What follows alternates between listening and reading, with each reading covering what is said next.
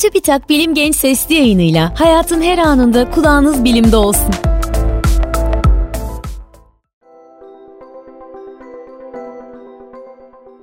Pusula kim, ne zaman icat etti? Günümüzden yüzlerce yıl önce yaşadığınızı ve uçsuz bucaksız okyanusun ortasında fırtınayla boğuşan bir denizci olduğunuzu hayal edin. Bir alçalıp bir yükselen dalgalar nedeniyle geminiz bir o yana bir bu yana sallanıyor. Göz gözü görmüyor. Haliyle nereye doğru gideceğinizi de bilemiyorsunuz.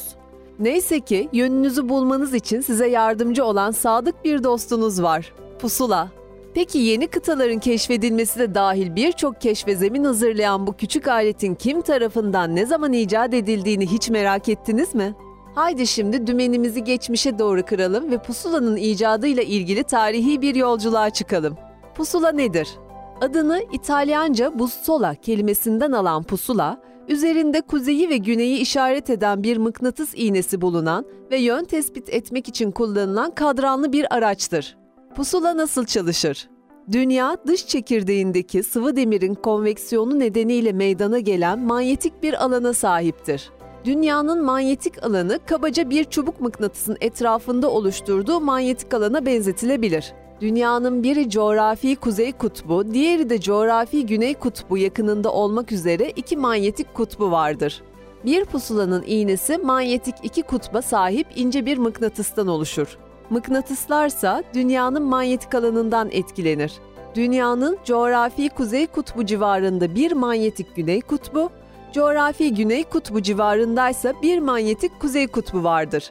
Benzer manyetik kutuplar birbirini ittiği, zıt manyetik kutuplarsa birbirini çektiği için pusulanın manyetik kuzey kutbu dünyanın coğrafi kuzeyine, manyetik güney kutbuysa dünyanın coğrafi güneyini gösterir.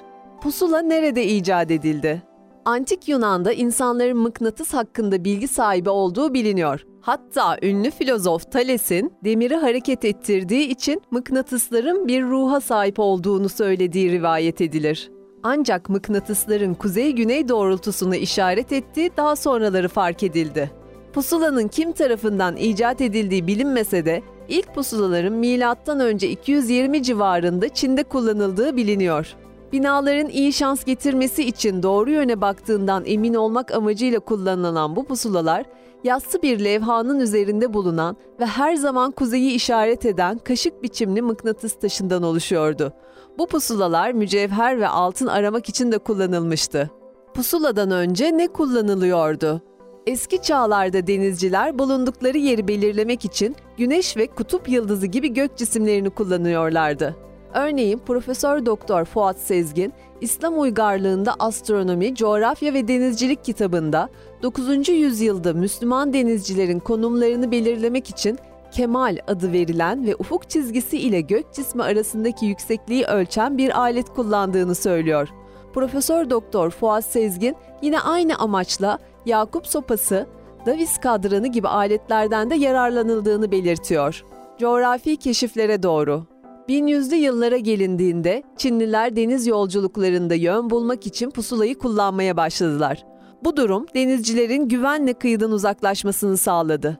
Pusulanın farklı milletler tarafından tanınması ve kullanılması ise deniz ticaretini artırdı ve coğrafi keşiflere kapı araladı. Pusulalar tam olarak Kuzey Kutbu'nu gösteriyor mu? 15. yüzyılda gezginler pusula iğnelerinin doğrudan Kuzey Kutbu'nu değil, kutba yakın bir noktayı gösterdiğini fark ettiler. Çünkü dünyanın manyetik kutupları coğrafi kutuplar ile tam olarak çakışmaz. Üstelik manyetik kutuplar sürekli hareket halindedir. Örneğin dünyanın kuzeyindeki manyetik kutup 1831 yılında ilk kez konumu tespit edildiğinde coğrafi kuzey kutbunun Kanada sınırları içinde kalan bir bölgesindeydi.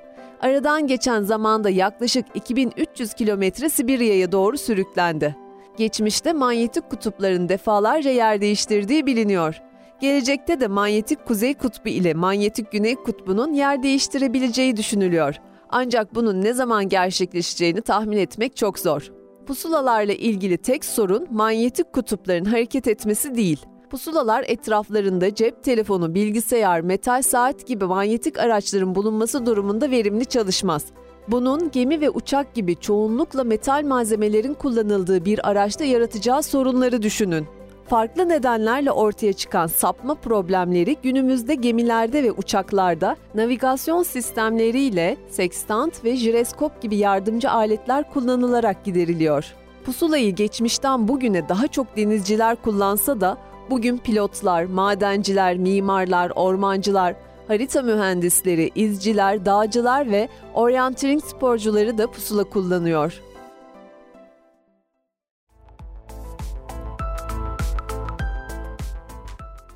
Bilim Genç Sesli yayınlarını SoundCloud, Spotify, Google ve Apple Podcast kanallarımızdan takip edebilirsiniz.